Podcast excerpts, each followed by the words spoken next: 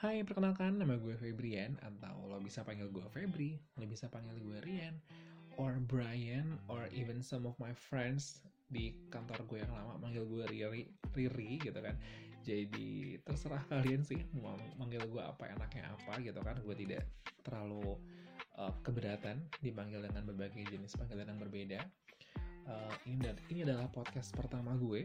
Jadi adalah sebuah keisengan belaka sih sebenarnya ingin mencoba-coba platform yang baru ini gitu. Platform audio di mana gue bisa share berbagai macam hal mengenai kalian berbagai cerita berbagai opini berbagai pengalaman. Mungkin bisa juga gue sharingkan di sini. Dan gue harap kita juga bisa saling tukar pendapat nih dalam podcast ini gitu kan. Bertukar cerita juga bukan cuma gue yang bercerita tapi mungkin juga kalian yang mendengarkan juga bisa sharing nih ke gue seperti itu So, di podcast ini dan mungkin juga di podcast-podcast ke depannya, gue akan uh, banyak berbicara mengenai hal yang gue suka, yaitu K-pop, Korean pop, gitu kan. Mungkin tidak banyak cowok-cowok yang suka K-pop, but I do really love K-pop so much, gitu. Gue tidak hanya berbicara mengenai visual K-pop yang sangat stunning gitu ya, yang sangat eye-catching, enak dilihat, tapi gue sangat menyukai K-pop karena musik-musiknya mereka sih sebenarnya gitu. Menurut gue, K-pop itu sangat diverse, memiliki berbagai macam variasi musik, dari mulai ballad, dari mulai yang lagu-lagu yang bikin semangat, semuanya ada gitu. Sehingga menurut gue, itu sangat mengakomodir mood gue yang kadang-kadang tuh suka bergejolak gitu ya. bergejolak maksudnya kadang-kadang yang gue lagi moodnya pengen semangat banget oh ada lagu K-pop yang bisa mengakomodir. Kayaknya gue lagi pengen relax ada lagu K-pop lain yang bisa gue dengarkan ketika gue sedang relax atau lagi pengen sedih-sedihan mungkin dan masih banyak juga lagu-lagu lainnya seperti itu. Dan kalau misalnya berbicara mengenai K-pop menurut gue K-pop saat ini sudah sangat jauh lebih dikenal dibandingkan dengan dulu ketika pertama gue mengenal K-pop gue mengenal K-pop itu sebenarnya ketika masih duduk di bangku SMP jadi saat itu gue uh, bermain game online bernama Audition Io Dance. Mungkin kalian juga sempat main game tersebut di zamannya pada saat itu di mana game online sedang uh, naik-naiknya gitu ya. Game ini merupakan salah satu games yang cukup digemari oleh banyak orang seperti itu. Jadi mungkin sedikit side note buat kalian yang belum tahu nih Away ini permainan apa. Jadi basically dia adalah sebuah permainan dance gitu ya. Dan uh, akan dia itu akan muter banyak-banyak lagu, terus kalian akan diminta untuk menekan keyboard untuk uh, apa ya menekan panah-panah di keyboard gitu ya untuk bisa memainkan permainannya gitu dan banyak lagu yang digunakan adalah lagu-lagu K-pop gitu kan lagu-lagu Korea pada saat itu. Tapi sebenarnya pada saat itu gue tidak terlalu pay attention nih dengan musik K-pop gitu ya kan. Gue cuma enjoy bermain gamenya aja gitu. Walaupun mungkin pada saat itu uh, udah banyak banget tuh lagu K-pop yang masuk di Dance, audition Dance-nya gitu kan. Gue ingat ada beberapa seperti 21, Big Bang, SNSD, atau bahkan beberapa grup atau lagu yang dari first generation K-pop kayak Coyote dan lain-lain ya gitu kan. Tapi pada saat di SMP itu gue cuma literally suka denger musiknya aja, tapi gue nggak ngulik lebih lanjut nih lagu-lagu ini tentang apa gitu karena kan emang saat itu gue cuma suka main gamenya aja, bukan suka sama K-popnya gitu. Barulah ketika gue masuk ke bangku SMA, duduk di bangku SMA, uh, gue punya beberapa temen yang sangat suka dengan K-pop. Bahkan mereka mereka juga nih yang berhasil meracuni gue untuk suka juga sama K-pop. Gitu jadi gue SMA di SMA BBK Penabur Sukabumi pada saat itu. Uh, buat kalian yang nggak tahu pada saat itu gue adalah uh, istilahnya generasi keduanya gitu lah. Jadi si uh, eh, SMA BBK Penabur Nasional Plus ini kayak baru dibuka gitu ya. Terus gue adalah angkatan kedua. Saat itu hanya ada 20 murid dalam angkatan gue terus ketika kelas 11 SMA-nya kita kayak dipecah jadi dua jurusan ada IPA ada IPS dan masing-masing 10-10 gitu. Jadi kebayangkan di kelas itu uh, memang bukan kelas besar dan bisa intim banget karena jumlah muridnya sedikit gitu. Nah gue uh, punya temen dua orang teman yang mereka ini K-popers banget.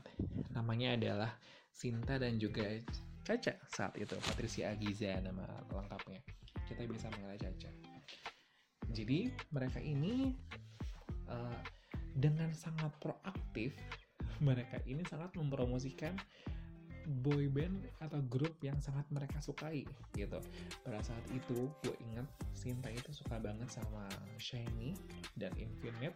Kemudian Caca itu gue inget dia suka dengan Super Junior dan juga uh, Girls Generation SNSD gitu. Jadi uh, buat bisa kebayang nih untuk kalian maksanya tuh seperti apa sih? Menawarkan tuh seperti apa sih? Kayak misalnya nih di jam-jam istirahat gitu kan di mana mungkin kita jajan makan atau kita main ke mana jalan-jalan gitu kan. Caca sama Sinta biasanya di, tetap di kelas. Mereka men-hijack nih layar LCD yang ada di kelas untuk nyetel MV Korea. Gitu kan. Jadi kebayang uh, proyektor di kelas itu uh, diputerinnya lagu-lagu Korea dan juga MV-MV Korea. Gitu kan. Nah, itu satu kelas akan nonton nontonin videonya dan kita akan komentarin bareng-bareng kita akan ngomongin bareng-bareng gitu. Dan itu hampir di setiap istirahat kita, kita lakukan itu mereka berdua. Terus juga salah satu hal yang paling mungkin kalau dipikir sekarang lucu tapi mungkin kalau uh, dirasakannya pada saat itu agak ngeselin juga gitu ya. Jadi uh, Sinta sih terutama. Dia itu sangat kekeh supaya uh, kita yang ada dalam gengnya itu bisa hafal member-member boyband Korea pada saat itu jadi dalam satu circle pertemanan gue ada satu orang namanya Monik dia ini sebenarnya uh, tipe musiknya lebih suka musik-musik western gitu ya. Saat itu gue inget dia suka banget dengan One Direction Justin Bieber gitu kan. Uh, dan sebenarnya awalnya tidak terlalu suka K-pop gitu. Tapi karena tetap nih insist banget teman-teman gue untuk meracuni Monek sering banget Monek ini disuruh menghafal nama-nama dan wajah boyband boyband Korea gitu kan. Jadi kayak adalah di suatu waktu itu pasti gue lagi ngeliat ke arah meja mereka terus mereka yang lagi oke okay, ini siapa? Ini siapa? Ini siapa? Gitu kan. Terus kalau misal um, on you bukan mon gitu kan. Pasti dia kayak yang abis kesel banget. Tapi yang Monica juga ya gue bisa apa gitu. Karena gue yakin ini juga salah satu problem kalian nih ketika pertama kali um, menyentuh dunia K-pop gitu kan. Banyak orang yang merasa bahwa semua orang di Korea itu mukanya sama. Gue nggak ngerti. Uh, padahal kan itu beda banget ya gitu kan. Tapi jujur dulu pun gue merasa wow semua orang kayaknya mukanya sama gitu kan dengan style yang sama rambut yang sama. Jadi kayak susah banget dibedain gitu. Apalagi kalau misalnya boyband boyband besar kayak sekarang mungkin Seventeen yang membernya mungkin di atas 10 gitu kan. Itu kayak udah mati aja deh kalau disuruh ngafalin membernya gitu kan. Jadi kayak ya gitulah. Mereka itu benar-benar berdua sangat menginfluence kita banget nih untuk bisa ngedengerin K-pop dan akhirnya gue pun jadinya ikutan ke influence juga gitu. Untuk bisa lebih ngulik dan suka sama K-pop gara-gara mereka berdua gitu. Pada saat itu uh, satu grup yang sangat menarik perhatian gue adalah 21 dari YG Entertainment gitu kan. Sebuah grup yang beranggotakan empat orang. Pada saat itu CL, Minzy, Park Bom dan juga saudara Park uh, menurut gue mereka sangat menarik perhatian gue karena mereka tampil dengan sangat berbeda gitu. Ketika di pada saat uh, itu di tahun 2009 2010 pertama kali mereka debut dan tampil sebagai Rocky gitu ya uh, kebanyakan girl group saat itu tampilnya tuh seragam semua menurut gue gitu. Jadi lebih ke konsepnya yang cute konsep lebih ke yang pure innocent gitu kan. Belum banyak tuh grup yang berani untuk bisa tampil lebih edgy lebih girl crush lebih empowering itu belum banyak saat itu. Makanya gue sangat tertarik dan sangat apa ya dibuat senang banget nih sama One karena mereka benar-benar bisa bawa fresh air buat kita para K-popers pada saat itu. Gitu apalagi kalau misalnya dulu pertama dari lagunya aja mereka tuh udah bener-bener yang mungkin pada saat itu dibilang EDM banget sih EDM banget kalau menurut gue dari segi lagu mereka udah stand out banget gimana yang lain girl group lain biasanya lebih soft lebih cute. Ini mereka bisa yang lebih keras gitu ya musiknya dari segi genrenya. Kemudian yang paling ikonik sebenarnya adalah stylenya mereka atau outfitnya mereka gitu. Mereka selalu pakai uh, fashion outfit yang out of the box banget sih kalau gue bilang gitu. Jadi mereka tidak pernah pakai yang biasa-biasa aja. Tapi di setiap comebacknya mereka selalu pakai kostum-kostum yang baru. Yang gue rasa sih gak akan pernah mau dipakai oleh girl group lain gitu. Karena benar-benar edgy, benar-benar beda dan benar-benar outstanding banget pada saat itu. Dan mungkin salah satu yang kalian ingat adalah rambutnya Sadara Park yang kayak pohon kelapa jadi kayak dikuncir ke atas tinggi gitu kan. Lurus ke atas udah kayak pohon kelapa gitu. Itu di saat awal-awal debut itu adalah salah satu yang paling eye catching menurut gue dan entah kenapa dia tuh diapain aja pasti udah cantik. Mau rambutnya dia jadiin pohon kelapa mau rambutnya dijabrikin atau apa selalu oke okay, gitu. Dan itulah yang gue merasa wow keren banget nih ini grup gitu. Selain juga lagu mereka yang enak-enak fashion mereka yang selalu out of the box gitu kan. Tapi juga dari segi lagunya nih gue merasa mereka tuh selalu bisa bikin pertama bikin gue semangat terus juga bisa mengempower nih gitu kan. Jadi gue yang mendengarkan gue bisa relate dengan lagu mereka tapi gue juga bisa jadi, jadi termotivasi gitu kan lebih dikuatin lebih confidence gitu. Itulah yang awalnya membuat gue tuh bener-bener mata gue tertuju sama Twenty One doang pada saat itu. Bahkan hingga saat ini ketika Twenty One sudah disband gitu ya bahkan saat ini um, CL Sandra eh, sorry Sandra masih di YG CL Bom Ngaminji sudah uh, tidak di YG lagi gitu ya. Uh, gue masih sering banget menemukan diri gue tiba-tiba out of nowhere kok tiba-tiba gue buka videonya Twenty One terus gue malah jadi maraton watching lagi nih Twenty One live-nya Twenty One gitu kan dan itu kayak udah apa ya nggak bisa gue tahan aja gitu. Makanya um, untuk gue pada saat ini ketika banyak grup-grup baru mulai bermunculan gue mendengarkan mereka gitu kan. Gue suka dengan mendengar musik-musik mereka. Tapi kayak belum ada yang bisa mengambil spot paling tinggi di hati gue untuk grup untuk saat ini. Mau itu boy group mau itu girl group menurut gue semuanya uh, masih belum bisa ngalahin 21 gitu kan. Karena kayak udah bener-bener nempel banget gitu di hati gue pada saat itu. Nah gue juga ingat pada saat itu um, handphone kan belum secanggih sekarang gitu ya. Jadi um, yang kita lakukan pada saat itu adalah terutama untuk uh, gue gue SMA gue sudah ngekos pada saat itu karena jarak dari sekolah gue dengan rumah itu cukup jauh beberapa bulan awal minggu awal gue masuk SMA gue pernah sih nyobain untuk pulang pergi tapi itu capek banget.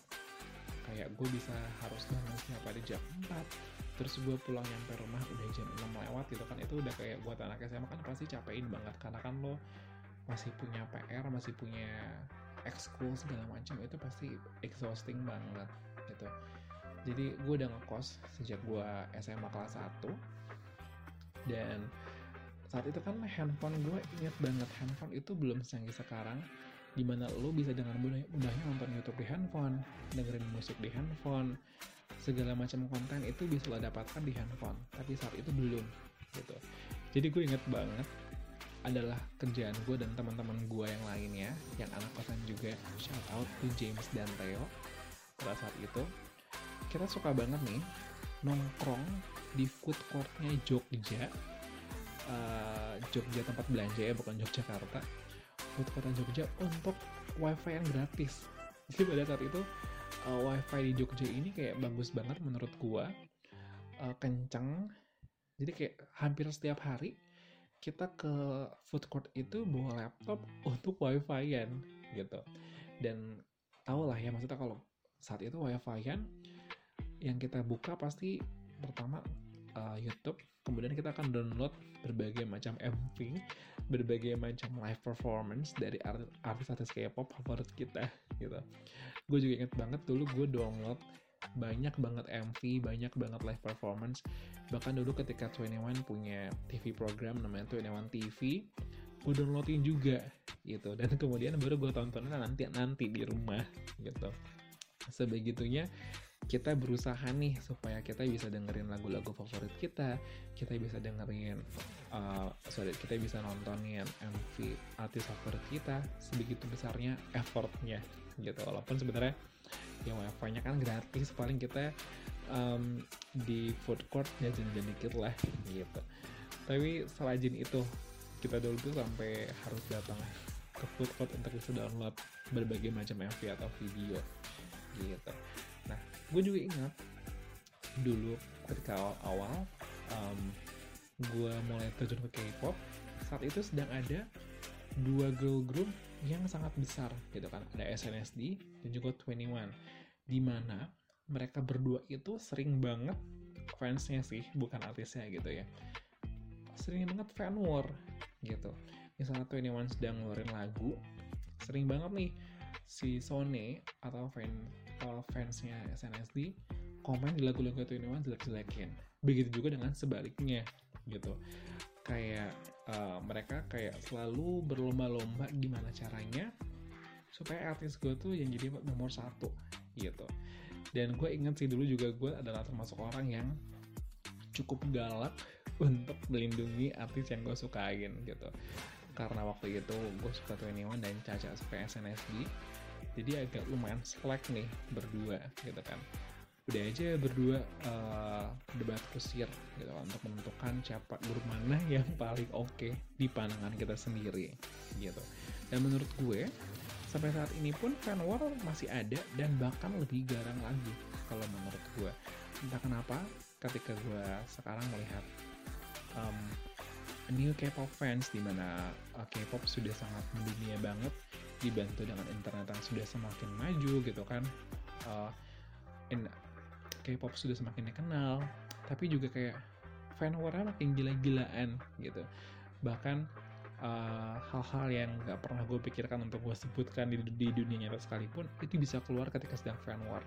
Sebegitu menyeramkannya gitu. Mungkin gue akan omongin juga nih mengenai fan war di episode-episode lainnya gitu kan. Tapi inilah cerita gue bagaimana awalnya gue mengenal K-pop. Dan gue harap ke depan ke depannya gue masih bisa cerita lagi sama kalian gitu kan. Supaya gue bisa juga denger nih cerita K-pop kalian pertama tuh seperti apa gitu. Karena being a K-pop fans dulu dan sekarang ini kayak beda banget gitu loh. Kalau dulu di mana K-pop belum terlalu dikenal gitu ya di dunia luar mungkin baru dikenalnya ya oke di Asia aja gitu kan. Tapi sekarang ketika K-pop udah mulai dikenal secara worldwide semua orang tahu K-pop beda banget sih uh, apa yang kita rasakan gitu. Dan juga dengan segala kemudahan yang ditawarkan internet kemajuan teknologi jadi lebih mudah untuk kita akses tapi juga sebenarnya banyak juga minusnya gitu kan. Ini juga yang akan gue omongin di episode-episode berikutnya seperti itu So this is my first episode. Gue harap uh, kalian enjoy mendengarkan gue cerita seperti ini. Di episode selanjutnya gue akan banyak bahas mengenai isu-isu di K-pop gitu kan berbagai macam yang uh, isu-isu uh, yang saat ini mungkin sedang trending, sedang hangat diperbincangkan atau mengenai berbagai macam hal tentang K-pop lah gitu. Gue akan berusaha untuk bisa bikin konten Indonesia rutin gitu ya dan gue harap kalian juga suka nih mendengarkan gue cerita gitu kan. Kalau kalian misalnya ada ide ingin bahas apa mengenai K-pop atau ingin share sesuatu mengenai K-pop don't hesitate to message me. Gue sangat terbuka dan gue harap ini bisa long lasting nih long term. Gak cuma karena sebentar gue pengen buat terus minggu depannya enggak enggak lagi. Tapi gue harap ini bisa terus long lasting dan gue harap kalian juga bisa enjoy ke depannya seperti itu. So nantikan terus episode dengan gue yang selanjutnya. Bye bye